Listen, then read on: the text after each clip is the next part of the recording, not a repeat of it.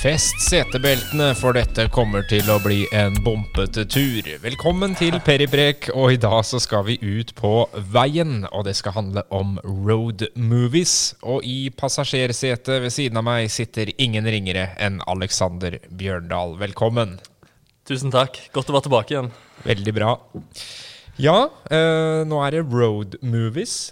Topp fem. Ja. Eh, vi vet ikke hvilke filmer vi har eh, valgt, så det blir jo den store overraskelsen.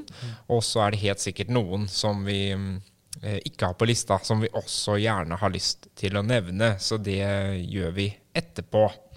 Men aller først da litt grann om sjangeren road movie. Du foreslo tema. Hva er det som eh, trekker eh, road movie-sjangeren for deg? Det er, det er bare noe som jeg alltid har likt. Det er jo Da er du på veien, og du er på vei en plass. Ja, det er ikke alltid at, uh, at målet er den plassen du skal. Nei. Nei. Det er vel en egen greie innen road movies at det gjerne er i tillegg til at man beveger seg fra ett sted til et annet, så er det kanskje ofte en personlig reise Ja. i tillegg. Ja. Det er liksom den, eh, ja, den indre reisen, da. Så jeg har alltid eh, Ja, noen av mine favorittfilmer som jeg ser om og om og om igjen, er road movies, da. Så det var det som lå litt bak. Og det er veldig, jeg tenkte på det, at det er en veldig sånn, kall det mannlig sjanger. Det er ofte menn som er ute og kjører eller skal eh, bonde eller finne ut av noe. ja. Ja. Jeg tror det har litt med sånn, eh, det, det er sånn frihetsfølelse i disse roadmoviene. ja. De legger alt bak seg og Det er jo to, Hvis man skal se sånn på sjanger, da, så er det to hovedkategorier av road movies. Eh, det er den ene som, er, eh, som blir kalt The Quest. Som er at man skal komme seg fra et sted til et annet for å gjøre noe. Altså hente noe, eller gi en beskjed, eller oppdage noe. Um, og så er det da The Outlaw Chase. Ja. Eh, som er typisk liksom Bonnie and Clyde. Um, Natural Born Killers. Ja. uh. hvor det er noen som er på rømmen, eller eh, mordere som skal tas, da. Og den jakta som foregår over lengre tid. Um, og så har jo, hvis jeg tar min liste, så tror jeg vel de fleste av dem er road movies som foregår i, i biler. Det fins jo også andre road movies som uh, kanskje bruker andre transportmidler. Men det er vel først og fremst bil. Uh, det å liksom kjøre steder som man kanskje ikke kan fly til, eller ta båt til, eller ja. Nei, jeg har uh, fire biler og en buss. Fire biler og en buss, ja. ja da, da tror jeg Ja, da tror jeg kanskje jeg kan gjette den ene Ja, filmen din. Men ja. hvem vet? Nei, det, det er jo en vet? del filmer med busser. Ja da, det er jo det.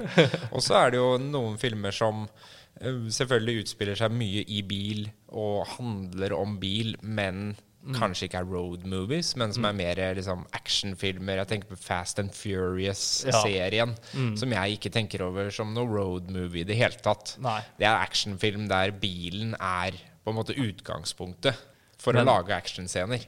men kan liksom f.eks. for eksempel Apocalypse Now kan det ses på som en roadmovie? eller? Ja, for, altså, det tenkte jeg litt på. For det um, er jo noen sånne hvor man beveger seg nedover elver, eller Altså, utgangspunktet er jo det samme. Ja. En personlig reise hvor man skal nå et mål. Gi en beskjed. Ta livet av en person. Um, så ja, det er vel kanskje ikke først og fremst det man tenker på med road movie. Um, Jeg vurderte aldri den, men eh, når jeg tenker meg om, så, så har den det meste utenom, uh, Utenom et kjøretøy. Altså, Ja. ja. Ja da, men den putter jo og går ganske heftig, den Ja, den båten den bruker. Ja. Nei, jeg, jeg har jo holdt meg til litt sånn uh, Hva du kan kalle standardfilmer, altså innenfor sjangeren. Mm. Jeg har ikke tatt noen sånn sjanser her, altså. Nei, jeg har også prøvd å holde meg ganske sånn slavisk til filmer som i stor grad utspiller seg på veien, eller i en bil, eller på store strekninger, da. Det er jo ofte liksom åpne landskap og få folk, at man kjører lenge, eh, og så skjer det ting på veien. Så har det jo blitt en sånn eh, en amerikansk sjanger, dette her, da.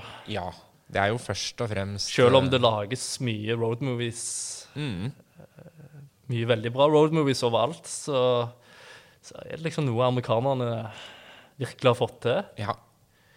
De starta tidlig. Ja. Ja. Det var jo den eh, Ja, hva var den første? Ja, hva var den første? It Happened One Ja, It Happened One Night. Ja. Og så har du jo den eh, From Here to Eternity òg. Blir faktisk uh, Mm. lagt inn Det er jo også en krigsfilm. Og det er jo noe som er spennende med road movies, at her finner man jo alle filmsjangere innafor road movie-sjangeren. Mm. Altså det kan være fra det mest romantiske til drama til skrekkfilm. Mm. Altså alt kan puttes inn i en road movie. Ja, Mm. og av og til alt på en gang. Ja. Og Jeg har- det er jo eh, Ja, og så er det jo eh, eh, Jack Nicholson og Easy Rider. Easy Rider. Dennis Hopper, og Jack Ja. Nicholson. Det har jo liksom på en måte blitt prototypen Mm. på en road movie. Ja. Og henta jo også masse inspirasjon fra liksom den franske Ja. nye franske bølgen, da, som de kalte det, hvor man eksperimenterte med Ja. eh, måten å lage film på. Ja. Uh, for eksempel at man klippa midt i sånn jump cuts, Ja. uh, hvor det ikke er sammenheng mellom det som skjer i det ene øyeblikket, og så hopper man kanskje ti sekunder framover i tid. Uh, men man skjønner jo sammenhengen. Men det kom jo først og fremst fra Frankrike, og ble jo brukt i Easy Rider, da. ja, så det var kanskje en av de sånn første eksemplene på amerikansk film som brukte sånn nybølge. Ja, det tror jeg. Ja. Var nok den første som lånte liksom Ja. elementer fra, fra den nye franske bølge. Ja. Yes, skal vi gå i gang? Ja. Ja. Jeg tenkte at jeg skulle begynne i dag. ja. Ja. Jeg vil bare si en ting. Og jeg tror vi er på kollis kollisjonskurs. Du tror det, ja? Ja. Ja, Hva får deg til å si dette? Nei, jeg eh, Du har Nei, en følelse av det? Jeg har en følelse. Vi har jo snakket noe om Vi har nevnt noen av disse regissørene før og, Mm. som vi liker. Og, ja, Ja. ja, jeg er spent. Dette blir veldig spennende. Eh, på femteplass, der kunne det ligget veldig mange. Det kan det jo alltid. Det er alltid den eh, Kanskje Det er egentlig det vanskeligste. Ja. For der har du mer å velge på. Hvem skal akkurat klare å komme inn på lista? Og så blir det jo klarere og klarere jo lenger opp man kommer. Men på femteplass så har jeg valgt en eh, film som vi har nevnt i, eh, tidligere. Eh, 2018. Vi skal til Clint Eastwood, og vi skal til The Mule. Ja. Ja. Som jo da eh, er basert på en sann historie om en som het Leo Sharp. Som er, var en gammel krigsveteran som da begynte å kjøre narkotika for et narkotikakartell. Og var jo det perfekte skalkeskjul fordi en gammel, gammel mann som var glad i å kjøre bil, ble veldig sjelden stoppa. Den husker jeg jo at dere hadde jo en sånn perfekt kontekst med at det var i USA. ja, det var det. Ja, Ja. Da det var premiere, og så den på kino i Los Angeles. Ja. Eh, og har hatt liksom vokst opp med Klinteren, eh, en av favorittene til fattern, liksom. Så, så det å se den filmen i den settinga eh, Og det var en solid, god film, og det er jo veldig mye kjøring. Ja. Han kjører over eh, statsgrensene hele filmen. Ja. Var lange scener hvor han sitter og nynner i bilen, og det er eh, ute på den store, åpne highwayen. Det er noe av det jeg liker aller best med den sjangeren. Det er de fri, eh, sekvensene der de bare Ingenting skjer. Tar seg tid. Ja. ja. Se naturen. Ja. Mm. Til ettertanke. Nei, det Ja. Og det er jo også sånn Selvfølgelig mange av de filmene handler om den personlige reisa. Og da å ha et kjempestort, åpent landskap uh, med store fjell eh, det, det sier jo også noe om liksom, sinnsstemninga man kommer i da når Ja. man ser en sånn film. Uh, som du sier, det er litt sånn ut å tenke. ja. Mm. Dvele litt. Den har jeg jo ikke sett. Nei, Jeg har, jeg har ikke sett noe Clint Eastwood siden Gran Torino. Nei, og det er jo morsomt, for det er faktisk samme manusforfatter Ah, eh, som ja. har skrevet Gran Torino. Og den, Gran Torino, ja. Eh, ja, Den var jo veldig bra. Ja. også veldig bra. Den kunne jo for så vidt også vært, men det handler jo mer om en bil som står i garasjen, Ja. enn å være ute på veien. Det ville vært å strekke det litt langt. Det er å strekke det langt. Men her har de eh, fri utfoldelse på landeveien, da. Ja. Er det mye bare han som sitter i bilen, eller Ja. plukker han opp folk og sånt? Nei, nei. Nei. eh, veldig sjelden. Han stopper vel én gang eh, og skal hjelpe et par som har eh, punktert. Ja. Eh, Men bortsett fra det, så, så kjører han egentlig bare veldig mange lange, ensomme turer. Ja. Eh, Etter hvert så begynner jo kartellet å passe litt på han, da, så de har noen som kjører bak han. Og da oppstår jo en del um, ting underveis, selvfølgelig. Ja. Det, er jo de, det er jo de lange sekvensene som alltid ender opp i noen stopp. Hvor de møter noen, eller prater med noen, eller det skjer et eller annet som liksom utvikler historien. Um, og så er det en veldig sånn Uh, sørgelig uh, film rundt familie, da. For han, er jo, han spiller jo en person som, som da kanskje har forsømt uh, familien sin i de aller, aller viktigste tidene i livet deres. Eh, og fortsetter å gjøre det. Ja. Så det, den har jo noe mer enn å Ja. bare være den road-movien hvor man er ute på veien. ja. Ja, sånn road movies ligger òg til rette for en del sånn filosofiske eh, tanker og eksistensialisme. Helt klart. Ja. Og så har den det at den både mm, for Clint Eastwood, da, som spiller hovedkarakteren, han skal jo frakte noe fra A til Å Mm. um, og har sitt oppdrag. Og så har du jo da Bradley Cooper, uh, som skal finne denne personen som eh, smugler. Eh, så der har du jo også The Chase. Mm. Ja. Eh, men det går veldig sakte og veldig rolig for seg. Ja. Her er det ingen dramatiske scener. Nei. Eh, veldig sånn realistisk Ja. eh, ja, og litt sånn eh, Ja, ikke så veldig Hollywood. Nei, e egentlig ikke. Og ikke så veldig Hollywood i det at dette er kanskje den eneste filmen jeg har sett med Clint Eastwood hvor han faktisk er 90 år gammel, og spiller 90 år gammel. Mm. Ja, altså. ja. Det er så vidt å kommer ut av bilen, oi, oi, oi. Eh, Så mm, det var også litt sånn forfriskende å se at han ikke var eh, en kjempekjekkas lenger. Nei, Eh, nei. Han får seg noen damer, men Ja. de er betalt for, Det for å si det sånn. bare mangle. Ja. Så, så han har liksom ikke det draget eh, der. Mm. Så Clint Eatswoods The Mule ligger på femteplass. Da går vi til din eh, femteplass, Aleksander. Ja. ja, det var ekstremt vanskelig. Det sto mellom eh, flere filmer her, men jeg måtte bare gå for eh, Som jeg så ofte gjør. Jeg gå for hjertet. Og det, det blir eh, da Sideways med Alexander Payne fra 2004. Mm. Ja. Den er jo kanskje av de liksom moderne road movies den som står fram klarest i liksom mye kåringer og sånn. Eh, jeg fikk ikke helt sånn sansen for den. Nei. Fikk ikke helt grepet på den filmen. Nei. Eh, Husker du hvorfor? eh? Ja, jeg bare jeg syns at eh, Jeg syns ikke de var så sympatiske. Nei, de er jo Og ikke det det. er jo for så vidt hele greia òg. Ja. Men uh, for, for, ta oss uh, litt inn i uh, Sideways. Ja, det er jo Paul Giomatti som spiller en uh, mislykka forfatter, kan vel si. Og så er det Og han får med seg Thomas Hayden Church.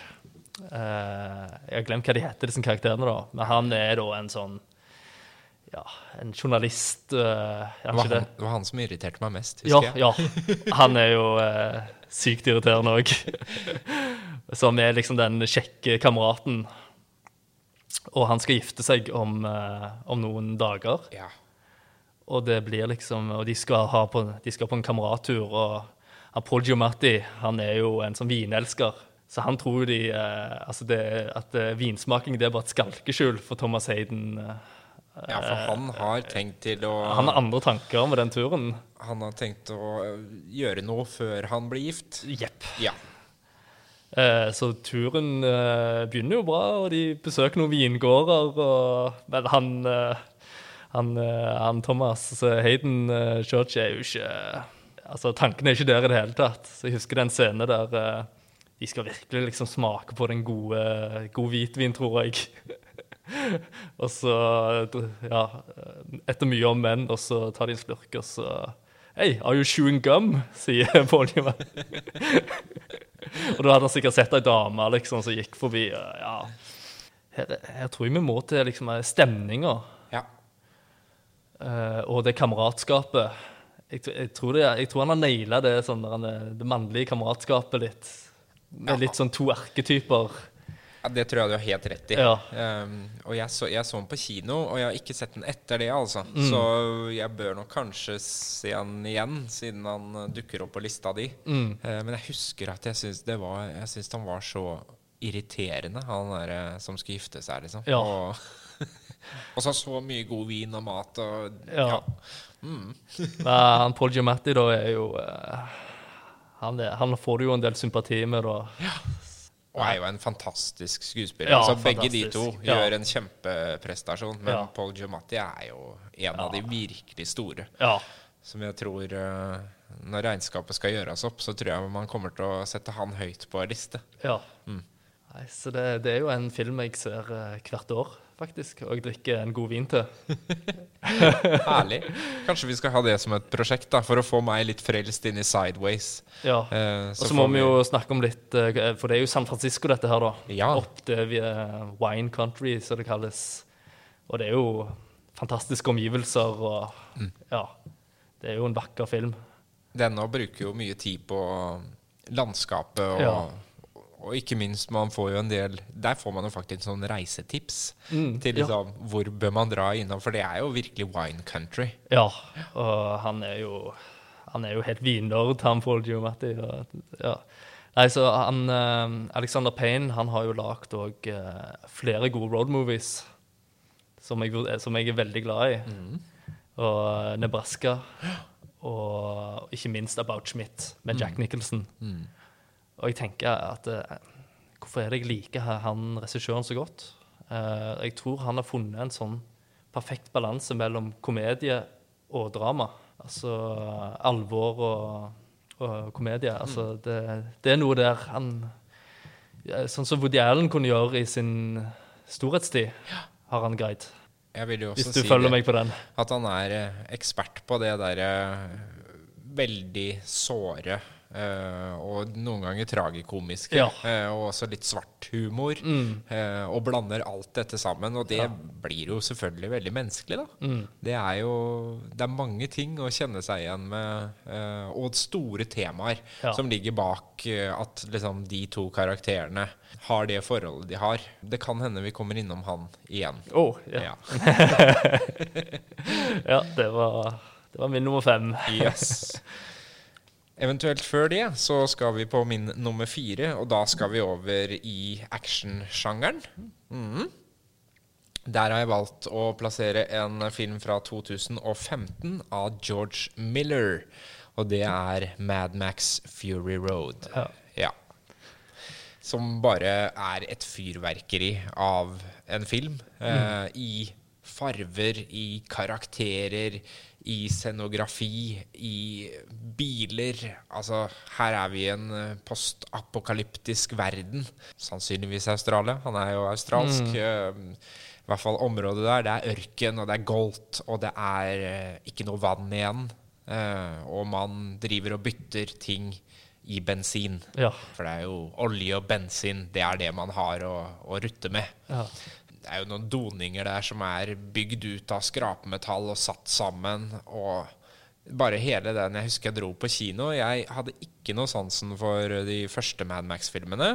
Én til tre. eh, Og de er jo også veldig sånn lavbudsjett, eh, enkelt laga Mel Gibson i hovedrollen, som jeg for øvrig ikke har noe sansen for. Mm. Så der kjører man jo egentlig bare rundt på landeveien og spoler litt og ja. Mens uh, den fjerde Mad Max-filmen, da, som er en sånn revitalisering med Tom Hardy i hovedrollen, For det gikk mange år. gikk veldig, veldig mange år. Og den fins jo både i en svart-hvitt versjon og i en veldig fargesprakende eh, versjon. Og Charlize Theron som uh, Furiosa, da. Ja. Og det er noe jeg likte best med den filmen, er jo at det er en sånn skikkelig virkelig hardbarka actionfilm med kjempehøyt tempo og spektakulære scener. Og så er det så rå damer. Alle damene Altså, alt i filmen bygger opp til at dette skal være en testosteronbombe for menn. Men det er kvinnene som er tøffest, Ja. og som til syvende og sist regjerer ute i det hardeste landskapet. Liksom. Og til og med hun som er høygravid, og som i alle andre filmer bare blir sånn Ja, stakkars, vi skal passe på deg. Hun tar fader meg fighten, liksom. Så den eh, blåste meg av banen da jeg så den på kino. Den uh, blåste meg òg av banen. Mm. Ja, det var en av de beste filmene det året det kom ut. Det, var et mester, det er et mesterverk. Ja, det vil jeg si er et mesterverk. Og se, Søk opp på YouTube og finn sånn How It Was Made og bakom-dokumentarer. For det er ikke mye juks i de scenene der. Altså. Det er eh, veldig, veldig spektakulære mm, scener. Og så kjempeflott landskap, da, Ja. som også selvfølgelig sier veldig mye om karakteren og, Ja. Og Mad Max, da. Ja. Og veldig få replikker, som også er gøy. Eh, ja, for det går i 100. ja, det går virkelig i hundre, og det går Du får liksom ikke en eneste pustepause. Nei, du gjør ikke det. Den starter Nei. i hundre, den. Så det Nei, veldig fascinerende film. Ja, jeg skulle gjerne sett den på kino. Jeg så den hjemme. Jeg tror det hadde vært enda bedre på kino. Ja. Ja. Men det var nesten litt for slitsomt, altså. ja. Det var superintenst. Men jeg har ikke sett svart-hvitt-versjon, så den vet jeg ikke åssen uh, funker.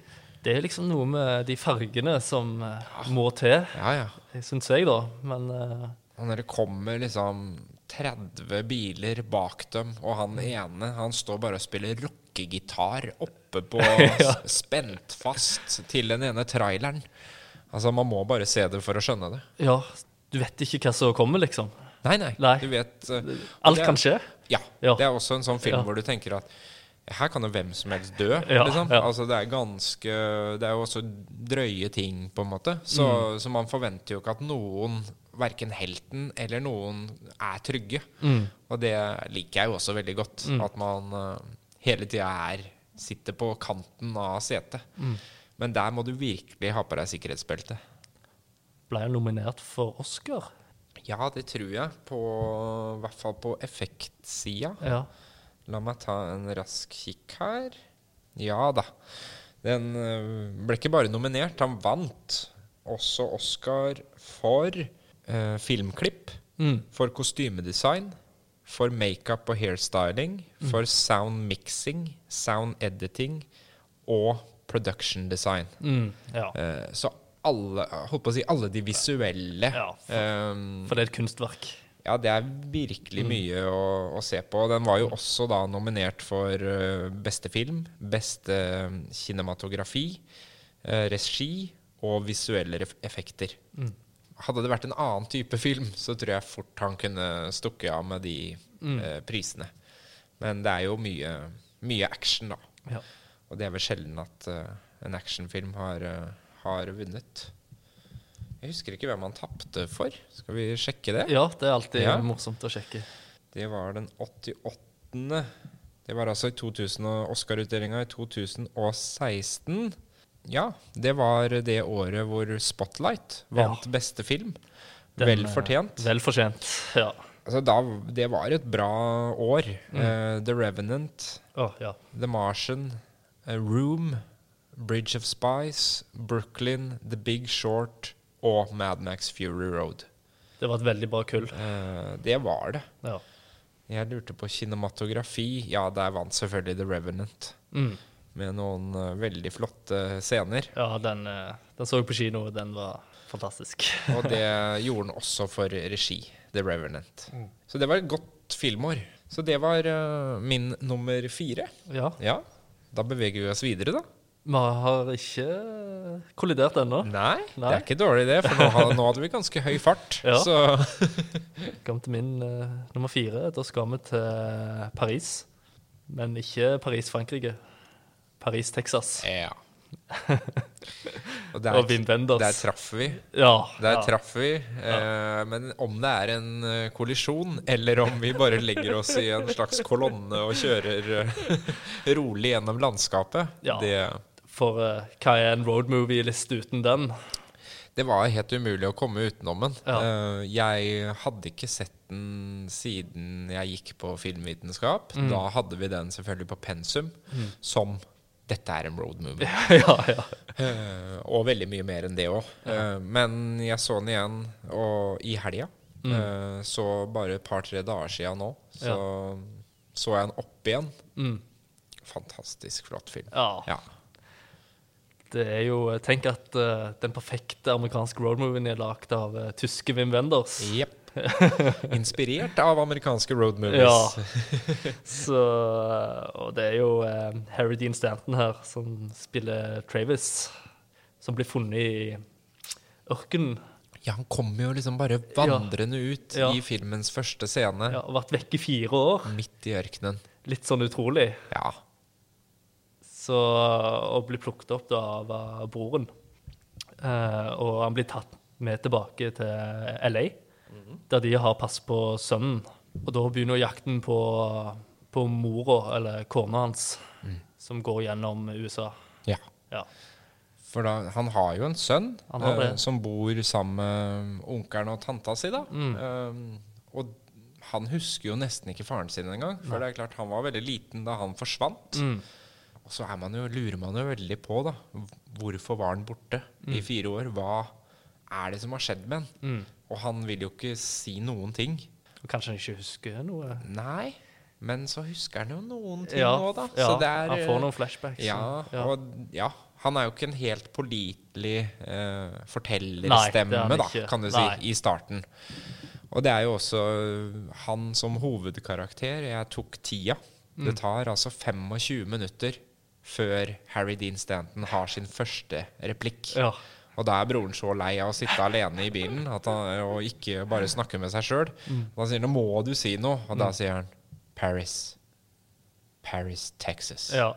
Hva er det som gjør at den her er, er så bra? Ja, det er veldig veldig mange ting, tror jeg. Eh, for det første så er det jo tempo, eh, og at den er det som vi har vært inne på noen ganger allerede. Eh, den er så langsom og dveler ved både karakterene og med landskapet, og hvordan det speiler hverandre, på en måte, har jo veldig mye å si, tror jeg, for at han treffer så godt. Ja. Og så er det jo i bunn en veldig, veldig god historie, da Ja. som gradvis blir avslørt. ja. Og det er jo også en del av greia her. At man Det er mange elementer. Det er det å liksom finne tilbake til noe. Kanskje den aller beste scenen er jo med når han på en måte har prøvd å få kontakt med sønnen. Mm. Uh, og sønnen er jo ikke Han er jo liten, da. Det er vanskelig å forstå at pappa har vært borte i fire år. Mm. Og hvordan de finner hverandre når han står og venter på han eh, Mm. utafor skolen. Og derfra hvor mye klokt dette barnet sier. Mm. Jeg tenkte mye på det da jeg så nå, at der, eh, holdt på å si, det voksne perspektivet her er det veldig ofte barnet som eh, leverer. Mm. eh, og observerer og, og sier rett ut. Mm. Der de voksne ikke klarer å eh, kommunisere eller sette ord på ting. Mm. Og så er det jo fantastiske skuespillerprestasjoner Ja. av både Harry Dean Stanton, men og ikke minst eh, Natasha Kinski. Mm. Og den sluttscenen Skal ikke si så mye om det, Nei da, vi kan jo ikke det. Ja, det er, det er veldig, veldig flott. det er mektig. Og den er jo veldig sånn stillferdig hele veien. Ja. Uh, den gjør jo aldri noe mye ut av seg, selv om det er Altså, det blir ikke større temaer enn den filmen eh, tar opp. Mm. Uh, og allikevel så er den så tilbakelent og rolig. Mm. Og det er jo den røde tråden her, da, at vi, all, vi så langt har kommet innom Klas Kinski i alle Ja. podkastene vi har hatt. Det er bra gjort. Eh, og dette er jo da dattera til Ja. Klas Kinski. Så må, vi må jo bare nevne det. Han lurte seg inn igjen. Han sniker seg med, den gærne callen. Nei, Ja. så det Nei, den eh, Og musikken. Musikken Ry Cooder. Ry Cooder. Og du hører det med en gang Ja. hvis du har hørt noe av Ry Cooder. Ja. Men det var det jeg merka meg den gangen her. Ja. Hvor innmari bra den passer og er til en sånn type film. Mm. Uh, og den brukes liksom ganske spesielt for Altså, den er liksom litt lystig også i de mest triste scenene. Mm. Og det er jo også litt av liksom grunntonen i filmen, at det er veldig mørkt. Altså Denne mannen har jo en dyp personlig krise og har hatt det i fire år og fortsetter egentlig å ha det i filmen. Mm. Men allikevel så er det Det fins noe håp der ute, da. Ja. Hvis man kjører langt nok. ja. Ja. Sånn at det går så sakte og poetisk, det er jo minner meg, minner meg litt om Terence Malick. Det er litt den samme dvelende stilen, og også la liksom naturen fortelle en del ting. Mm. Den, Som, den eh, plukker jo opp på litt sånn merkelige detaljer, altså skilt, Ja. eh, tomme landområder. ja. Den sier jo hele tida at liksom det, det fins et eller annet der ute som Ja. vi kanskje ikke har oppdaga eller sett. Så Også- veldig sånn symbolrikt. Veldig. Mm. Eh, den tror jeg du kan eh, analysere mye. Ja. Ja. Men den tonen mellom far og sønn er jo veldig, veldig gripende, da. Mm. Uh. Nei, så det er jo en sånn egen sjanger med, med litt sånn uh, unger som er den voksne i, i et voksen uh, I et sånt forhold. Og det er jo en sånn eh, Ja, en film som heter Paper Moon. Den kommer ikke på lista, men det er òg en road movie. ja, den har jeg ikke hørt om. Nei, det er en sånn amerikansk eh, klassiker som jeg så for en stund tilbake. Og er i denne tradisjonen her, da, med ei ung jente som eh, Han er vel en skurk, han som eh, passer på henne, mens hun er liksom eh, hans samvittighet, på et vis. Ja. Ja. Jeg ville bare minne, nevne den, for det, her er det en klar sånn referanse. Mm. Det amerikanske, da. Jeg er garantert at uh, Wim Wenders har sett.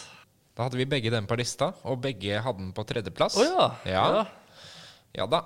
Så da er vi på min andreplass. Mhm. Og der eh, kommer vi til en regissør og en film du har nevnt så vidt. Vi skal til Alexander Payne. Mhm. Altså han samme som har laga Sideways. Og jeg har valgt Nebraska. Jeg syns Nebraska var eh, Det var egentlig den første Alexander Payne-filmen som virkelig traff meg. Mm. Uh, og jeg har jo hatt liksom veldig lyst til å like han, da. Ja. Uh, både med Sideways og med About Schmidt, Ja. med Jack Nicholson. Tenkte jeg liksom jeg skjønner jo at det er bra, men det treffer ikke helt meg. Mm. Uh, og så kom Nebraska uh, med uh, Bruce Dern. ja. Ja. Bruce Dern i ho hovedrollen som en gammel alkoholiker og skikkelig grinebiter og litt senil. ja. Og der åpner man jo, i likhet med Paris, Texas, med en fyr som bare kommer vandrende langs veien. ja. Og så kommer det en politibil og stopper og sier går, 'Går det bra her?' Og så sier han 'Ja, jeg er på vei til Nebraska'. Ja. Og da er han i Montana. ja. Så det er noen dager å gå, for å si det sånn. Det er 900 miles eh, til han kommer dit, da. Ja. Og der eh, har han bestemt seg. Han har bestemt seg for å gå dit, fordi der venter det en premie. Han skal få 100 eh, Nei, han skal få 1 million dollar Ja. Eh, når han kommer dit, for det har han sett eh, på en sånn Ja. ad. Stemmer selvfølgelig ikke. Det er jo en sånn som vi alle får i, i brev innimellom og i e-posten, hvor det står 'Gratulerer, du har allerede vunnet én million kroner'. Det er helt sant for han. Ja. Eh, Så han er jo fast bestemt på å komme seg dit Mm. og hente de penga. Og sønnen hans blir jo motvillig med da og kjører han eh, Ja. dit. Og han er liksom med på dette her. Ja, Ja. han må jo Han finner jo ut at det liksom Hvis Callen har blitt sender, så kanskje jeg bare må liksom Ja. Det er jo det. Noen ganger så får man jo beskjed om at folk som begynner å surre, at det, kanskje du bare skal spille med, liksom. Og si at uh, Ja. At kona fortsatt lever, og at sånn og sånn. Ja. Og da drar hele gjengen Da drar jo Da blir det litt av en tur. Og han, han møter jo også Han drar jo til sitt gamle hjemsted. Mm. Eh, og der er jo folk helt over seg. Over at vi, har, vi kjenner en millionær. Ja. Så han blir jo for første gang i livet sitt populær. Mm. Og får en status i den gamle byen sin. Og ikke minst så kommer jo familien bankende på døra da, og skal ha sin del av den premien som ikke fins. Så det her òg er det jo de store temaene eh, knadd sammen til en liten, liten eh, bil med to menn. Jeg er så glad du har den med, for det er ei perle. Hver gang noen er innom biblioteket for De har jo funnet ut at jeg er ekstra interessert i film, da. Ja. Så spør de meg. Og så, det er alltid den første jeg Har du sett Nebraska? For jeg syns den, eh, ja, den er så fin om demens. Ja, den er veldig fin om demens, og den er, som du var inne på i stad, helt sånn nydelig på den derre balansen mellom bare å være hjertevarm, eh, skikkelig svart komedie Det derre spillet mellom det som er tragisk og morsomt, da, som han hele tida leker med, Ja. syns jeg fungerer så bra. Han slår meg som en sånn eh, humanist. Altså en sånn altså så Han litt eh, får fram det gode i mennesket. Det er litt interessant å merke seg da, at dette er en uh, film som er skrevet av Bob Nelson. Eh, og de to andre filmene til Alexander Payne De har han jo skrevet sjøl. Ja. Så det, det er, jeg lurer på om det er et eller annet der på manussida som Ja. gjør at uh, Ja. jeg ikke helt catcha de to andre. Mm. Men her fikk han liksom utfolde seg fullt. Eh, den er skrevet veldig i hans ånd. Men kanskje han fikk konsentrere seg helt om å lage en visjon, i stedet for å ha tenkt ut alt i forkant. Jeg vet ikke. Men det her funka i hvert fall veldig for meg. Jeg er veldig svak for uh, antihelter. Så Ja. det kan være noe der. Han er jo det. Ja. Men han er jo veldig søt antihelt, da. ja. Men uh, Nebraska kunne òg ja, Mm. kunne vært uh, høyt opp på min liste. Men han er ikke der. June Squibb spiller også en fantastisk rolle i denne filmen. Mm. Kommer inn sent, men godt. Så det er bare å glede seg. Ja, nummer tre skal vi til USA igjen. Vi skal til Fair and Loathing in Las Vegas. Oh, den er helt glemt! den er helt glemt. Oi, oi, oi. Hadde du hatt den på lista jeg må, hvis du jeg må, jeg må revurdere lista mi. Ja, ja. Men den tenkte jeg egentlig ikke på som en ren road movie, kanskje. Nei. Fordi de er jo liksom nesten framme når um, de kommer Altså, de er jo fra Barstow til um, Las Vegas. Ja. Men de kjører jo veldig mye etter det òg. De kjører veldig mye. Ja. Så Fader ullan. Den skulle vært Ja. Den tror jeg hadde vært helt på toppen. ja, Men det tenkte jeg ikke på i det hele tatt. det har vært uh, vanskelig. Uh, Fair and loading in Las Vegas, Ja, altså. ja. Fy søren, for en film. ja, det Yes. Husker du uh, første gang du så den? Eh, ja, det gjør jeg vel. Det var i Trondheim. Ja. Og det var vel etter at jeg liksom hadde hørt om forfatteren. Mm. Altså, jeg har sett veldig mye Monty Python og sånn. Mm. Og det er jo Terry Gilliam-film. Det er Terry Gilliam, Film. dette her. som var en del av Monty Python. Så det kunne jo vært eh, via den veien, Mm. men det var det ikke. Det var eh, Hunter S. Thompson som, eh, Mm. som liksom dro meg inn i det. Eh, jeg hadde lest den eh, om eh, Hells Angels-boka. Ja, den Ja. dokumentaren. Ja. Mm. Hvor han liksom lever med Hells Angels, og så hører man jo alle de sinnssyke historiene da, Mm. om Hunter S. Thompson, ja. som jo var den første, kanskje store gonzo-journalisten. Ja. Altså som virkelig brukte seg sjøl i refereringa. ja, for han er sånn gonzo-journalist med det sånn der han er Phil Loating, han skal jo til Las Vegas for å dekke et sånt uh, motorsykkelløp. Ja. Men det er svært lite som, eh, som kommer med av Det det motorsykkel. Ja. Det er ganske blurry. Mm. Men det er mye annet. Det er veldig mye annet. Og en fantastisk bok òg. Jeg har lest boka òg. Ja, og den er jo Du ler deg jo i hjel. Og du merker jo hvordan tro Terry Gilliam er til boka. Veldig. Ja. Det er jo direkte eh, Ja. Altså åpningssekvensen er jo Ja. de ti første sidene av boka. ja. Og den, den, altså, den går jo bare rett på. Ja, han er jo perfekt til dette her, Terry Gilliam. Jeg tror jeg har hørt at det, det er sånn en av de mest eh, Altså, altså sånn som de fremstiller å gå på narkotika, de forskjellige stoffene, at det er den mest troverdige fremstillinga. Ja, for det må vi jo eh, klargjøre her. At Ja. det er jo en journalist som brukte veldig mye dop, og veldig Ja. mye forskjellig dop. Mm. Eh, så åpningsreplikken er jo da når han og advokaten hans Ja. suser eh, fra Barstow og inn mot Las Vegas og sier We were somewhere around Barstow when the drugs began to take hold. Ja.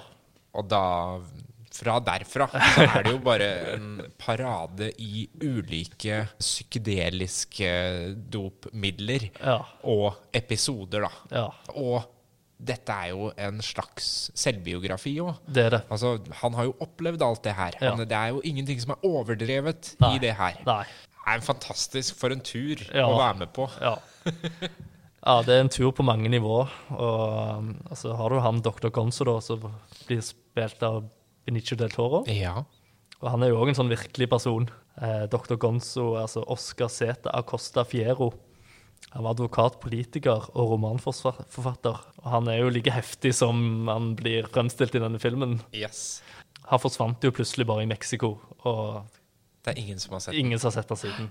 Den godeste um, Hunter S. Thompson nå fikk jo en, en trist avslutning ved at han um, til slutt da uh, tok selvmord og skjøt seg. Det hadde han jo proklamert at han skulle uh, over lang tid. Men det som også er spesielt i den filmen, her er jo at Johnny Depp spiller Hunter S. Thompson. Og de var jo veldig nære venner. Ja, de Eh, bodde jo sammen før innspillinga. Ja, ja. Johnny Depp ble jo virkelig kompis. Ja. Um, og, og likte veldig godt alle de syke tinga som eh, Hunter S. Thompson fant på. Mm. Så han har jo fortalt at det første gang de møttes, så sa bare Hunter S. Thompson Do you wanna go and build a bomb? Mm. Og så sa Johnny Depp OK. Og så dro de ut. Han hadde et svært landsted Ja. som lå bortenfor allfarvei, hvor han kunne sprenge og skyte og herje så mye han ville. Det var det eneste han gjorde på tampen av livet. Elska jo skytevåpen. Ja. Var ute hver eneste dag. Mm. Drakk, tok eh, narkotika og skjøt rundt seg. Mhm. Og sprengte ting. Mm. Jeg husker første gang jeg så den her. Det var litt sånn samme opplevelse som The Big Lebowski. Ja, absolutt. Og det er en film som jeg plukker fram rett som det er. Ja. Bare for å kose meg med og Ja. Men eh, i alt den her eh, galskapen, da, så er det jo en del visdom òg. Det er Ja. viktig å få med, Ja, ja. for det er jo en del sånn eh, Ja. Og et sånt eh, Ja. Helt eh, sånn annet perspektiv på livet. ja. Og så er det jo en del det er jo, Siden det er Hunter S. Thompson, så er det jo alltid mye politikk Ja. som ligger under der. Mm. Det er mye om på en måte lovene i USA. Om hvor Han havner jo inn på en politikonferanse òg, hvor Ja. han, går, han går vel egentlig feil. Ja, han går feil. Uh, og han er så Han er helt ute av seg høy Ja. Og han har en koffert full av eh, av narkotika. av narkotika Ja. og setter seg ned ved siden av noen, og så ser han at eh, fader, det er jo bare politiet rundt meg. Mm. Det er veldig rart at de går på den konferansen, er jo det han tenker. Ja. og så skjønner han jo at jeg er på feil sted. Nei, og det er jo eh, Det er jo litt sånn der en eh, film du lurer på, ja. Hva er det som skjer, og hva er det som ikke skjer? Hva er drøm, hva er virkelighet? Han, det er jo veldig mye blanding Mm. mellom hva er hallusinasjoner, Hall mm. eh, hva har han funnet på, eh, altså som er rent ljug, og Mm. hva har faktisk skjedd. Og jeg tror i veldig mange tilfeller så har det som vi tenker at Nei, nei, det der er altfor drøyt. Ja. Det har antageligvis skjedd. Ja. og omvendt. Og den jo, spiller jo på masse forskjellige sjangere. Blander og surrer inn ting. Nei, for en film. Ja, Tenk at jeg hadde glemt den. ja tenk det. Uff, det var, var, det var helt flaut. Men ja. Men vi fikk jo snakke litt om det, da, så da er det din eh, Ja, da blir det jo min nummer én, da. Ja. Ja, for nå treffer vi jo blink på nummer tre. Mm. Men du har én igjen da, eller? Jeg har to igjen. Du har to igjen, du, vet du. Ja. Ja. Skal du ta Da kan du ta en til, du, da. Ja. Ja, så tar vi liksom hver vår til slutt. Mm. ja da skal vi til Sverige. Ja. Vi skal til Jordbærstedet fra 1957. Ingmar Bergman. Veldig fin film. Min favoritt-Bergman-film. ja. Har jeg heller ikke tenkt på. Nei. Og det er en reise han, eh, Det er en gammel medisinprofessor som skal hedres ved universitetet. Tok graden sin. Han blir jo eh, konfrontert flere ganger med folk. Og her er det òg litt sånn der han eh, hva er drøm, hva er virkelighet. I hovedrollen er jo, eh, som professoren, er jo eh, Viktor Sjøstrøm. Sveriges gudfar, eh, filmgudfar. Og han var jo ganske gammel når dette her skal spilles inn. Han ble forespilt at han skulle egentlig bare sitte i en eng, i en jordbæreng. og det som skjedde Sånn helt på tampen av filmen, vet du. Ja. Uh, og resten skulle bare foregå i sånn flashback. Og ja, det skulle dette Hvor det var en lett. yngre mann som spilte den. Ja, på en ja, Ja. det skjedde jo ikke. Dette her var en intens filminnspilling der eh, Bergman kjørte hardt på, og han ble veldig frustrert.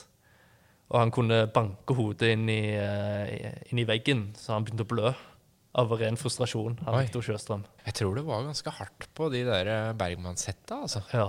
Så etter det skjedde, så fikk de um, Jeg har glemt hva hun heter. er- Tulin, tror jeg heter til etternavn. Hun ene som spiller de ungdommene som kommer. Og hver gang det ble litt sånn tøft for Viktor Sjøstrøm, så uh, hadde de en avtale, da, han og Ingmar Bergman og hun, at uh, hun skulle ta på seg skylda, uansett hva det var. så det var ganske crazy innspilling, men for et resultat. Ja. Du har sett den? Jeg har sett den. Ja. Det har jeg.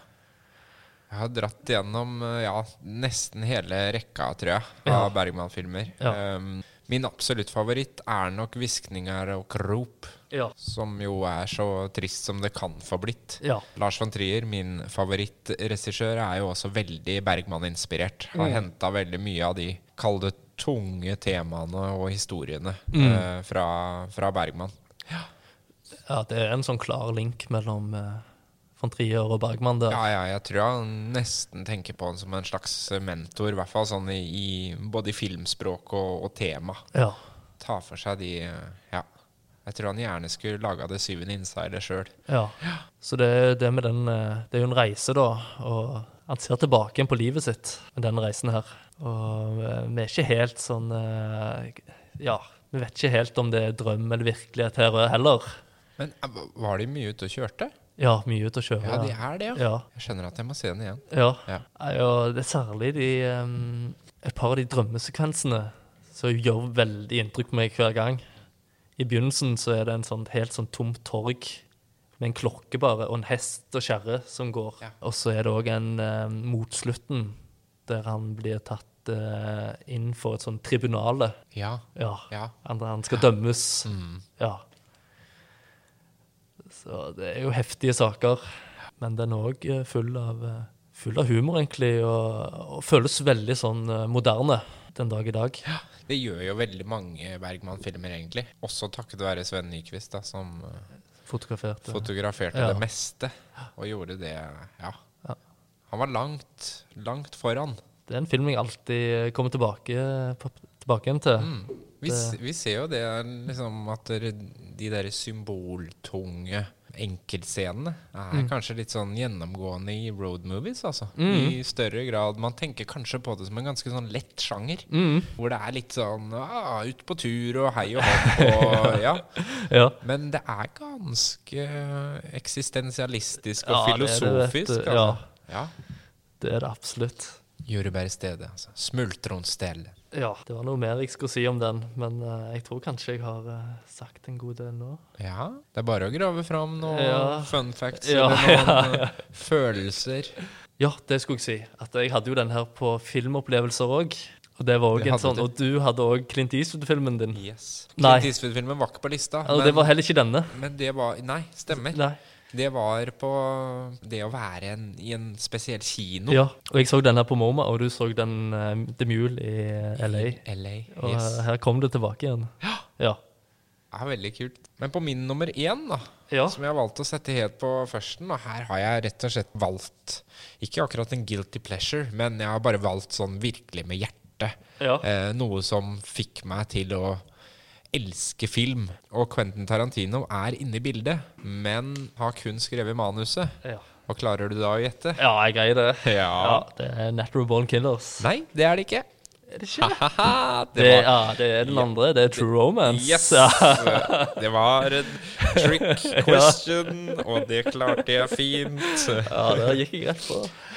Ja, det kunne det veldig fort vært, altså. True Romance Ja. husker jeg som en sånn film som liksom bare ga meg litt bakoversveis. Mm. For jeg var ganske ung da jeg så den, Og den var jo den var litt ulovlig da jeg så den, husker jeg. 18-årsgrense. Quentin Tarantino hadde lurer på om jeg hadde sett uh, Reservoir Dogs. Mm. Den kom vel ut året før. Og så var dette da Tony Scott Ja. i 93 Ja. som kom med True Romance. Det er jo da broren, lillebroren, til Ridley Scott. Mm.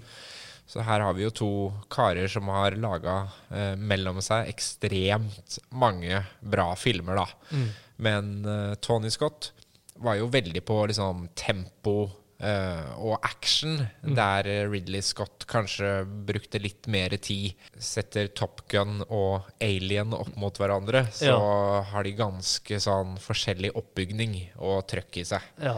Mm. ja Tony Scott, det, det er fullt tempo. Ja, der er det mye tempo, Ja. altså. I, I True Romance så, så er den jo forholdsvis liksom fersk, så der Det Mm. går det ikke så unna. Selv om det er mye kjøring og det er mye action der òg. men etter hvert så ble det jo veldig mye håndholdt kamera, veldig mye zooming. Typisk sånn Man Mm. on Fire med Denzel Washington er jo liksom Mm. en klassisk Tony Scott-film. Masse farver, masse filter. Bare pøser på med alt, Mm. egentlig. Jeg tror det gikk lang tid før jeg uh, fikk vite at det var liksom, Eller at det gikk opp for meg at det var ikke en Tarantino-film, eller at han ikke regisserte. Nei. Han er veldig tro mot uh... Den, den er veldig Tarantino-isk. Eh, og, og spesielt kanskje tidlig Tarantino. Ligner både på Pulp Fiction og på Reservoir Dogs. Eh, ja. Gjorde kjempeinntrykk, og har jo Quentin Tarantinos karakterunivers er jo til stede. Eh, 100% Og det er også noen sånn direktelenker der mellom hans filmunivers. da. Der går det jo igjen en del ting. Det er liksom sigarettpakker og sånn i alle eh, Quentin Tarantino-filmene som er av samme merke. I True Romance så er det en karakter som visstnok er barnebarn av en av de som er nazijegere i uh, Inglorious Bastards. Aha. Don Dorowitz, eller ja, Ja. en eller annen karakter. Så det kan man jo bare mm, sjekke litt. Det er en, bare en bikarakter, altså. Mm. Uh, Det, Lee, det er mange av de. ja, Lee Donowitz heter eh, han i True Romance. Og det er også en Donowitz i um, Inglorious Bastards. Så det er jo, eh, det er jo Christian Slater, er det ikke det? Det er Christian Slater. Ja. Bare, men bare hør på liksom de skuespillerne her. Ja. Christian Slater, Patricia Arquette, Dennis Hopper, Val Kilmer, Gary Oldman, Brad Pitt, Christopher Walken og Samuel L. Jackson. Og på toppen James Gandolfini. Ja. Ja. Det er jo nødt til å bli bra. Ja. Og så kan du tenke deg at det er Quentin Tarantino som har skrevet manus. Mm. Det er eh, 234 fuck Mm. i den filmen. Som sikkert var en rekord da, men som er slått for lenge siden nå. Ja. Uh, lurer på om det er Big Lebowski som er Så den- Trone den, Jeg har hørt rykter om at den troner helt øverst. Uh, Jeg trodde det var den uh, South Park. Big ja, Longer. ja, for Ja. de gjorde vel et poeng av å, å bli den med flest uh, bigger, longer, uncut. Ja. Flest banneord. Ja. Men der er det kanskje flere En litt tvilsom æren. Ja, og der er det kanskje flere enn fuck òg. Mm. men who knows? Eh, men det handler jo i hvert fall om en fyr da som, eh, som gifter seg litt sånn på innfall med en callgirl Mm. og stjeler kokain fra uh, halliken hennes. Mm. Eh, som jo da spilles av Gary Oldman. Mm. Og Gary Oldman fikk beskjed om at du spiller en hvit fyr som tror han er svart. Mm. Og da sa Gary Oldman yes, jeg, jeg tar den rollen. Ja. Han trengte ikke noe mer enn Nei. det, for det syntes han var så gøy. Og han er jo helt, helt fantastisk. ja, ja, den uh, scenen. Ja. Det er så mange scener, da. Så det er så bra. Ja.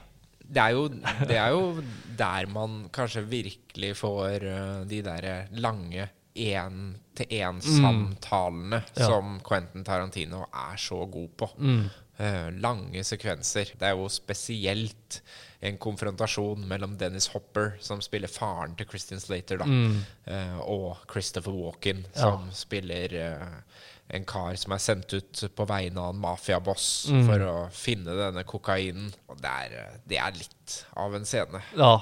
Snakk om å smile inn i døden. Ja. Han er ganske tøff der, Dennis Hopper. Han er trofast mot sin sønn, Mm. for å si det sånn. Ja.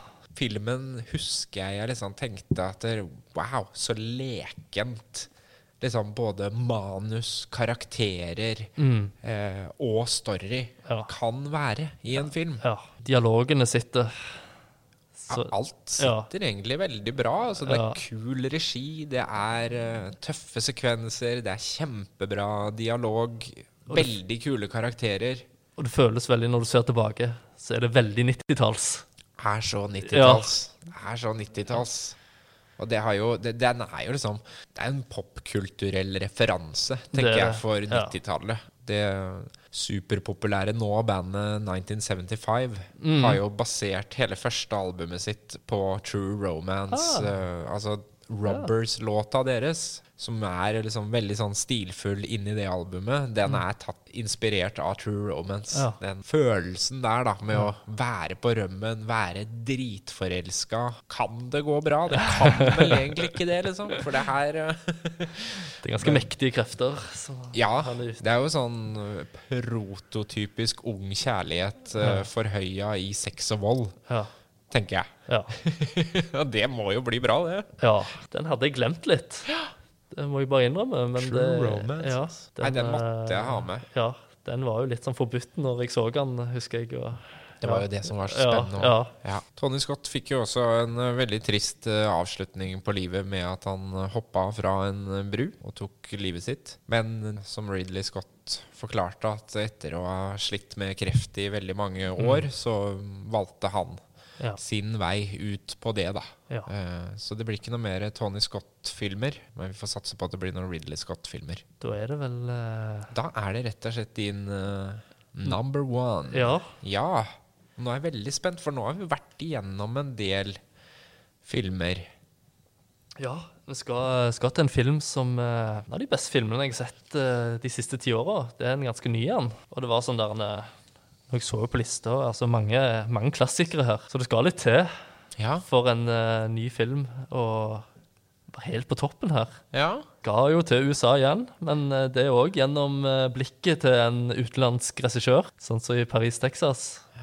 Og vi skal til Andrea Arnolds Ja. 'American Honey'. American Honey har jeg ikke sett. Nei, Nei. Så nå må du bare forklare. Ja, det er jo rett og slett en sånn eh, amerikanske drømmens bakside, da. Bakgård. Og vi følger en gjeng med ungdommer. Eh, vi begynner med det er jo Hovedrollene så er jo Sasha Lane, som er hovedrollen. Og så er det Shia LeBouf, som er hennes eh, Ja. partner. Og vi begynner veldig klassisk med at hun lever et, eh, et kjipt liv. Ja, Litt sånn Thelma Louise-aktig begynnelse. Der hun rett og slett bare Ja, jeg, eh, jeg rømmer. Og det er en veldig sånn kanskje bare fem minutter scene. Det var hele hennes fortid. Nå ser vi framover. Så møter hun på en sånn eh, En kiosk, da. En gjeng ungdommer. Så eh, får hun nok veldig godt øye til han her Shia LeBouf-karakteren. Altså, ja, hvorfor ikke bare bli med oss, da? Ja, hva har jeg å tape på det? Så hun blir med den bussen, da. Og eh, hva er dette her for en gjeng? Og vi finner ut at de selger da gamle magasiner Nei, de er ikke gamle magasiner, men de selger magasiner og tidsskrifter dør til dør. det trodde jeg ikke eksisterte, men det gjør det, da. Det gjør det i USA, Ja. si. Og det, går, det er jo en slags Ja, altså, dette er ganske sånn røft miljø. Selger du ikke noe en dag, så er du ute av gjengen. Uh, og det går jo veldig sånn sporty og ja, du må jo Altså, det er ingen som har lyst på dette her, egentlig. Så det går jo veldig sånn sporty å lure og hvilke nabolag du De drar jo til disse her veldig rike nabolagene, og, og den har jo òg dette her en, dvelende med naturen, da, som jeg liker så godt. Lange busscener der ja, de tar med seg liksom kanskje kveld, altså festen kvelden eh, før med seg eh, disse følelsene, og hvordan det reflekterer eh, ja, det landskapet, da. Og ja, det er mye som stemmer. Og det er òg en ting med Det føles som en dokumentar, som jeg syns er kult. Veldig sånn rått filma. Ja, Liksom. ja. Du er veldig der. Ja, og så er det veldig soundtracket og eh, blanding mellom hiphop og Neil Young. Høres kjempekult ut. Jeg Ja, gleder det- meg veldig til å se den. Ja, Og det høres jo også ut som en film som tar det der store perspektivet med hva som skjer i samfunnet i USA, da. ja. Eh, med, holdt på å si, rik, fattig, search for the American dream, som eh, ja det er veldig eh, kanskje begynner å svinne Ja. mer og mer nå. Og så er det, ja De bor jo på disse her moteller, ikke sant. Mm. det, det er så usikkert liv. Og så er det en gruppe som er sånn der en, eh, De er mot hverandre, men de må òg spille på lag på et vis. Og hver kveld så fester de, og, og så er det sånn der en, eh, Det er jo en reise gjennom et helt annerledes USA enn dette, dette, dette er ikke Chicago eller New York. Jeg husker ikke, men, eh, jeg husker ikke hva stat de er i nå, men de er jo litt forskjellige. Altså, Kjøre rundt i ja, sånn Cleveland, Kentucky Altså Ikke sant? Litt sånne steder. Ja, jeg husker da jeg skulle til USA, så hadde jeg en sånn der eh, visjon om at å, å dra på sånn motell Ja, At det var ja. så idyllisk og Ja. nesten litt romantisk. Ja. Det var det ikke. Nei, nei, nei. Det prøvde Ina, kona mi, å si til meg òg. Men jeg var sånn Ja, men vi må jo prøve dere som Ok, da. Ja. Ja. Nei, Det- det, det kom veldig sånn fram i den filmen. Nei, det er ikke så, er ikke så stas, altså. Men noen av de festene syns jeg kunne virka litt kule, da. Ja. Men òg det er litt sånn kult. Du, vet- du vet ikke hvor, helt hvor de skal hen. Og det vet de kanskje ikke sjøl. Nei, de gjør ikke det. Nei. Det er min uh, desidert uh, nummer én. Din nummer én. Da, Ja. da traff vi blink på én film denne gangen. Ja. Og resten var forskjellige. Men du Eh, hadde kanskje hatt uh, Fair and Loathing Det hadde hvis du hadde kommet på. Hvis jeg hadde kommet på det, så hadde nok den pressa ut uh, The Mule. Ja. Kanskje til og med havna et steg over Mad Max òg. Så, Mm. så um, Men jeg syns det var hyggelig at Clint Eastwood uh, kom med. det er jo litt hyggelig for en kar som nærmer seg 90. Mm. Eller nå har kanskje bikka 90 nå. Mm. Ja. Gammal er han i hvert fall. Eh, men uh, True Romance er altså helt på topp, og American Honey på topp uh, hos deg. Dette har vært uh, vanskelig, men uh, vi har jo kanskje en bonusepisode òg på Det var, gang. det var mye å snakke om her. Ja. Det var det. Men vi tåler noen minutter om de filmene som ikke kom med. Mm. Vi er fortsatt ute på veien i Periprek med road movies. Eh, vi har gått gjennom topp fem-lista vår, jeg og Alexander Bjørndal. Og nå skal vi nevne noen som ikke kom med på lista. Mm. Jeg kan jo ta en som vi har vært innom, mm. nemlig Easy Rider. Mm. Eh, som eh, kom i 1969. Ja, Ja, stemmer ja 1969. Mm. Dennis Hopper som eh, er regissør Ja. og spiller eh, hovedrollen, Mm. sammen med Jack Nicholson. Og Eh. Hen Henry Fonda, er det det? Han andre eh, motorsyklisten? Ja, Ja. stemmer det. Ja, han er veldig pene. Ja, for er jeg surrer, jeg? Jack Nicholson er ikke med? Jo, han er med. Han er med? Ja. Ja. Han spiller en de plukker opp. Stemmer. Ja. Ja. Så det er en sånn tidlig Nicholson-introduksjon, Mhm. det der. Men det er eh, Dennis Hopper og Peter Fonda. Peter Fonda, ja. Ikke Henry, men Mm. Peter Fonda Mm. eh, i hovedrollene. Som eh, legger ut på motorsykkeltur for å finne eh, the real America. ja. Ja. Med noe i tanken. absolutt. Og, og har jo liksom hippie hippie-idealene og den amerikanske motkulturen mot det, da, som hele tida Mm. spiller mot hverandre. Så det var jo en sånn uh, filmvitenskap-film. Mm. jeg har ikke sett den i senere tid. Jeg husker at jeg syns han var liksom kul. Ja. Det var en bra, bra gammel film. Men har du sett den nå? Det har jeg faktisk. Ja. Eh, Den hadde jeg ikke sett uh, før. Det, det måtte jeg jo bare se til den her, og ja, tenkte muligens At han skulle inn på snike lista? seg inn. Ja. Men det gjorde han ikke. Den føltes altså bare sånn, som du sier, eh, sånn uh, veldig kul.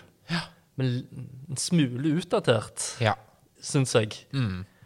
Uten at jeg helt greier å sette fingeren på det, men uh, den Jeg syns det var liksom eh, Du ser jo helt klart inspirasjonen fra fransk Altså kul sånn eh, Den var jo eh, sikkert veldig eh, banebrytende da den Mm. kom, og har inspirert utallige filmer. Så det er jo noe med å Men jeg vet ikke om han holder Det er litt sånn der en Hva vil de for noe? Ja.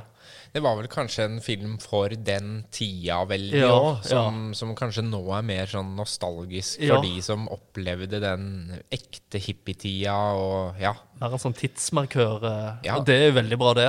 Men Mm. uh, det er noe med å ja, Men, litt framover òg, Ja. på et vis. men har jo denne Born to be wild. Ja. Eh, det er jo liksom ting som går igjen i den filmen. Det derre frihetsfølelsen av å være på veien. Ja. Det er jo få filmer som, som er så retta inn Ja. mot det eh, som Easy Rider.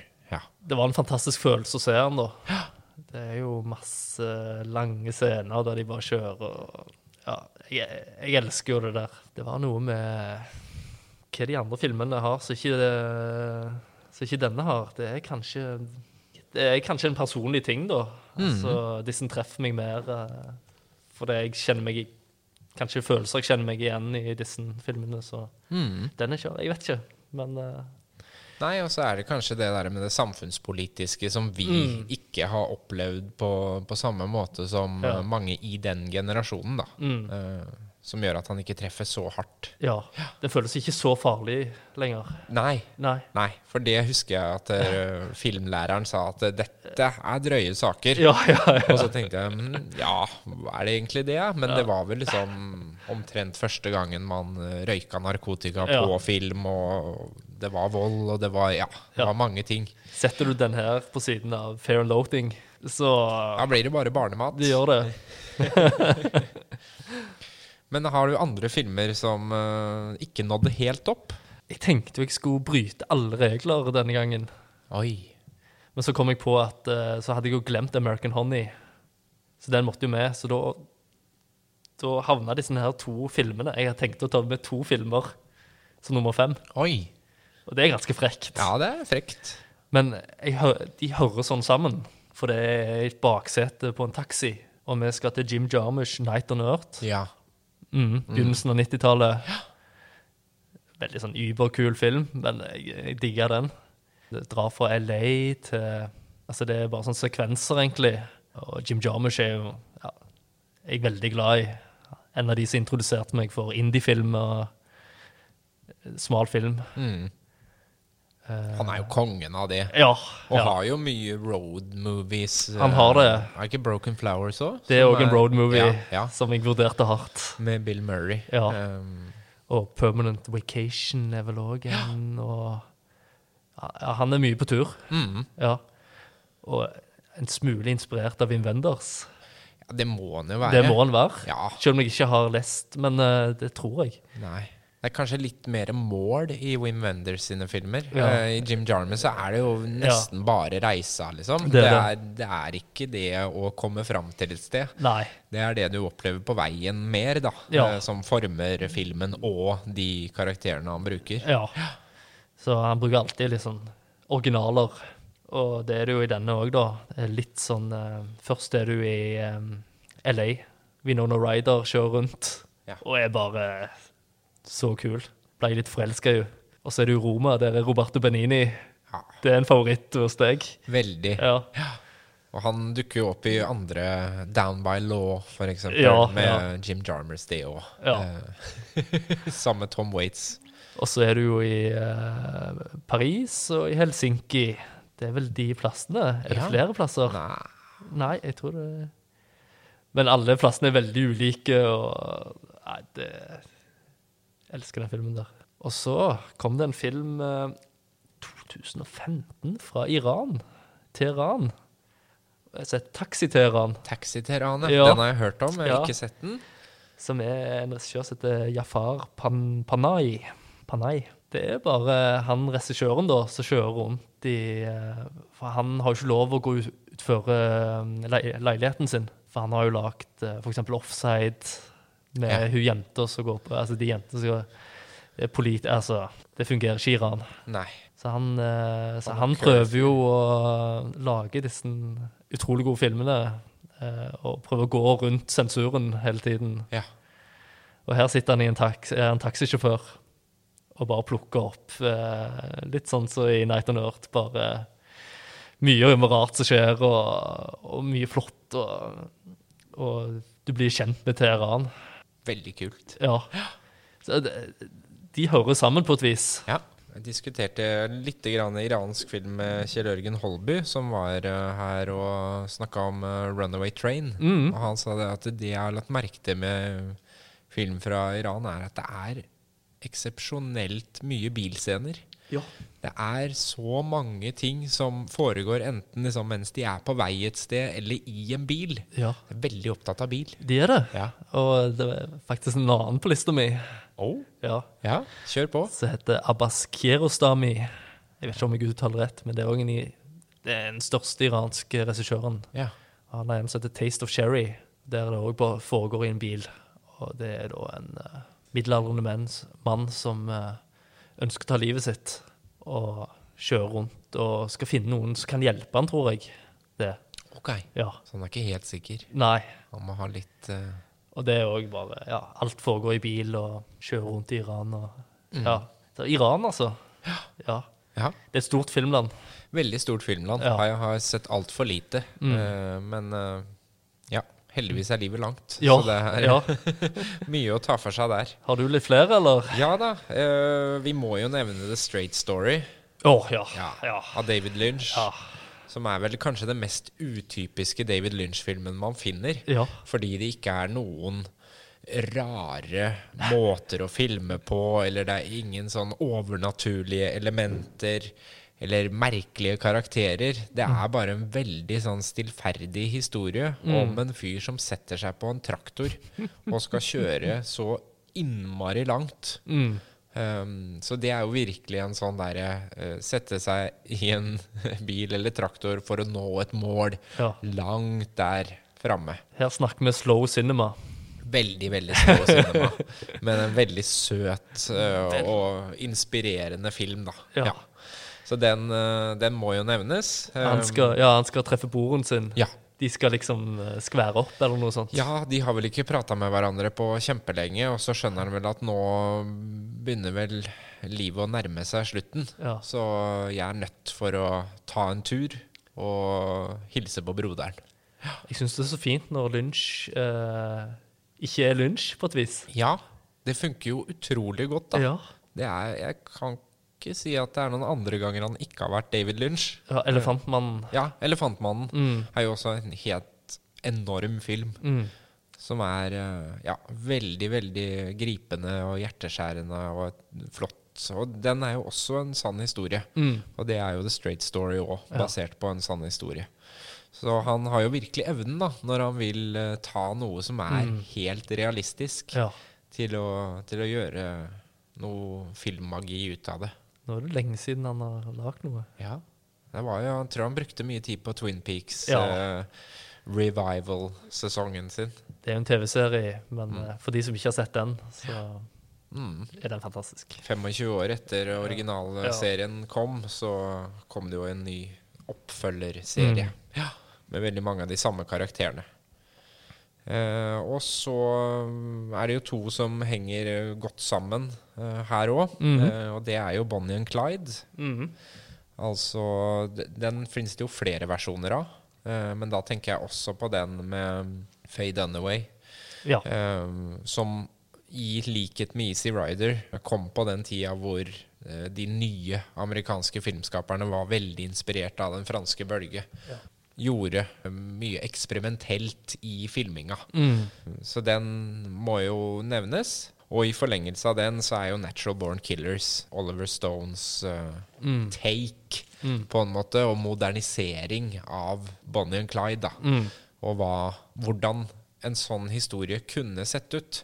For Bonnie og Clyde de dro jo rundt og, og rana og drepte folk uh, på landeveien. Og de det tok vel tre, tre og et halvt år å fange dem og få tatt dem. Uh, mens Oliver Stones uh, versjon med Quentin Tarantinos manus, den tar jo for seg uh, den samme type historien, men her blir det jo helter. Og det blir jo også Bonnie and Clyde. Mange i Amerika hadde jo veldig sansen for at de gjorde det de gjorde. Så de ble jo litt sånn merkelig folkehelter. Ja, ja. Um, og det er jo det Oliver Stone utforsker i 'Natural Born Killers'. da Hvordan man kan bli rett og slett en superstjerne og en slags reality-stjerne ja. uh, ved å uh, reise rundt og drepe mennesker. Den var forut for sin tid, den Ja. filmen der. Veldig forut for sin tid. Ja. Som mye av Oliver Stone sitt uh, ofte er. Tar for seg temaer og, og politikk som etter mange år innhenter uh, filmuniverset. Ja, for sånn f Altså, før vi lager disse podkastene, så tenker jeg alltid ja, hva er det Perry uh, velger denne gangen? Du tenker kanskje litt sånn om meg òg. Ja. og jeg var helt sikker på at du hadde National Born Killers på lista. Men der, der igjen så er det jo også en road movie, men Ja. det er veldig, veldig mange andre sekvenser og Ja. ting i den filmen. Ja, det er Eh, Så det var nok Hvis jeg skulle ha en film om media, for Ja, så ville jeg nok uh, trukket fram den i stedet, da. Ja. Jeg vil bare ta med en sånn uh, En film som òg er sånn par på rømmen. Uh, Badlands av Terence Malick. Ja. Den nå er jo virkelig road movie, da. Skikkelig road movie. Med Hvem som spiller i den? Det Martin Sheen, iallfall. Og Jeg holdt på å si det var uh, Richard Gere, men det er det vel det er Days of Heaven. Uh, Ja. Sissy Spacek. Yes. Ja. Og så når vi var inne på motorsykler, så må jeg også nevne en uh, holdt på å si fremmedspråklig en. uh, motorsykkeldagbøkene. Ja. Uh, Ja. Veldig, veldig god film. Og Mm. som tar for seg Che Guevara eh, Mm. og hans reise. Ja. eh, rett og slett for å bli Che Guevara. Ja. Den husker jeg gjorde veldig inntrykk, eh, og gir liksom en forståelse av hvorfor det ble revolusjon i eh, Sør- og Latin-Amerika. ja. Mm. Den er kjempebra. Den er veldig, veldig god. Den hadde jeg helt glemt. Den må vi nevne. Og til slutt på min liste så hadde jeg en film som jeg var veldig, veldig glad i da jeg vokste opp, og som jeg fortsatt syns er veldig søt å se på, og det er Rain Man. Ja. Mm. Ja. Dustin Hoffman og Tom Cruise ute på tur. Fantastisk musikk. Ja. Eh, Dustin Hoffman fikk vel Oscar for den rollen. Det gjorde han. Um, som spiller en med autisme. Som ikke Altså, broren finner ut at han har en eldre bror Mm. med autisme, eh, og bestemmer seg for å ta en eh, reise med han, Mm. og tror at han kan passe på han. Men det byr jo på en del utfordringer, men også veldig mange hjertevarme øyeblikk, da. Mm. Som eh, viser at eh, forskjellige mennesker har veldig forskjellige store hjerter og kvaliteter. Den er kjempefin. Ja, veldig fin. Ja. Den er, den er verd å nevne. Og jeg har bare en film igjen her. ja. Det er en sånn Kristine, Kristine, min kjære, da, hun kaller dette her en Alex-film. Oh. Ja. Og vi skal til Og jeg liker jo litt sånn speisa saker. Så vi skal til Hunters Thompson-universet igjen. Dette er ikke Hunters Thompson, da. Men vi skal til England uh, 1987, og en film som heter With Nail and Eye. Ja. Ja, har du Det er jo den? også en road movie. Ja. Det er så mange. Det er så mange. Ja. Den er jo liksom, står jo som en av de virkelig store klassikerne. Ja. Og i Storbritannia, Ja. den blir jo alltid trukket fram hvis noen skal lage liksom sin topp ti-liste. Ja, Eh, og det er uansett sjanger. Ja. Så er det liksom tilbake til uh, Whitney eller nei. Ja. ja, det er jo sånn Hva heter, hva heter hovedrollen igjen? Uh, han heter Grant. Ja. Mm mhm. Og eh, Richard E. Grant Richard E. Grant. spiller Whitnail. Ja. Og Paul McCann spiller Marwood. Mm. Og Richard Grant har nå i koronatida laga sånne små videoer hvor han resiterer alle sine replikker Oi. fra Whitney and I. Oh, så kult. Så nå sitter fansen og følger med på den daglige oppdateringa på sosiale medier, hvor han bare kaster ut replikker fra den filmen. Ja. Et sånn, litt sånn kunstnerpar, eller de er mislykka skuespillere Ja. som drikker, og det er jo en syretripp uten like. De passer ikke inn over eh, noen plass. Så de tenker at ja, hva med en tur på landsbygda? Kanskje det hjelper? Men eh, det gjør jo ikke det, da. passer ikke inn der Nei. heller. Så de, de lærer jo ingenting av den turen. Det er jo også et sånn motstykke til road Ja. movies, da. Med at man faktisk endte opp tettere Ja. enn det man var før man dro. Ja. Ja. Så det var ikke plass til oss på landsbygda heller. Nei. Så, og han eh, Richard E. Grant, han eh, tydeligvis er Lena Dunham òg en fan, som lagde Girls. Ja. For han hadde jo en rolle der òg. Han har jo liksom fått en litt sånn ny vår. Mm. Uh, var jo faktisk Oscar-nominert nå for et par år sia i den 'Can You Ever Forgive Ok, Me'-filmen til Melissa McCarthy. Ja. Som jo er mest kjent for å gjøre veldig sånn humoristiske roller i 'Bridesmaids' Ja. og ja. Mm. men som da har laga sin egen film hvor hun spiller hovedrollen. Um, som fikk veldig veldig gode kritikker. Har ikke sett den, men han uh, fikk en Oscar-nominasjon for Ah. sin rolle i den. Den må ses. Den må ses. Ja. Og en annen, ting, en annen film som jeg må se, da. Ja. Som er litt sånn flaut å si, men det er et stort svart høl. Ja. Og det er at jeg har bare sett bruddstykker av Thelma og Louise. ja. Samme her. Slutten har jeg sett. Jeg vet liksom hva det dreier seg om, Ja. hvordan det ender, uh, hele greia. Men jeg har ikke sett filmen, så hvem vet? Den kunne fort sikkert kommet på lista.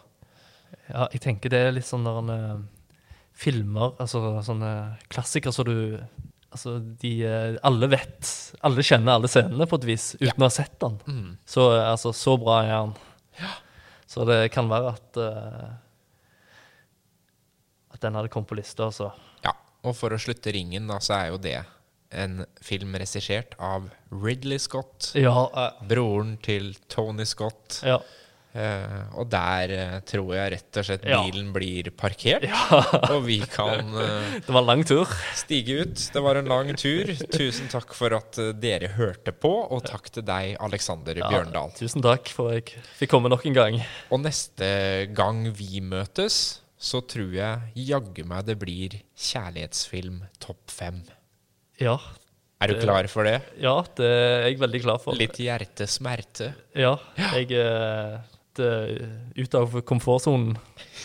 Da da skal vi være to som preker om følelser, og det blir fint. Jeg skal, ja, jeg skal åpne meg opp. Ja. Jeg gjør alt for denne podkasten. Veldig bra. Vi prekas. Ha det. Ha det.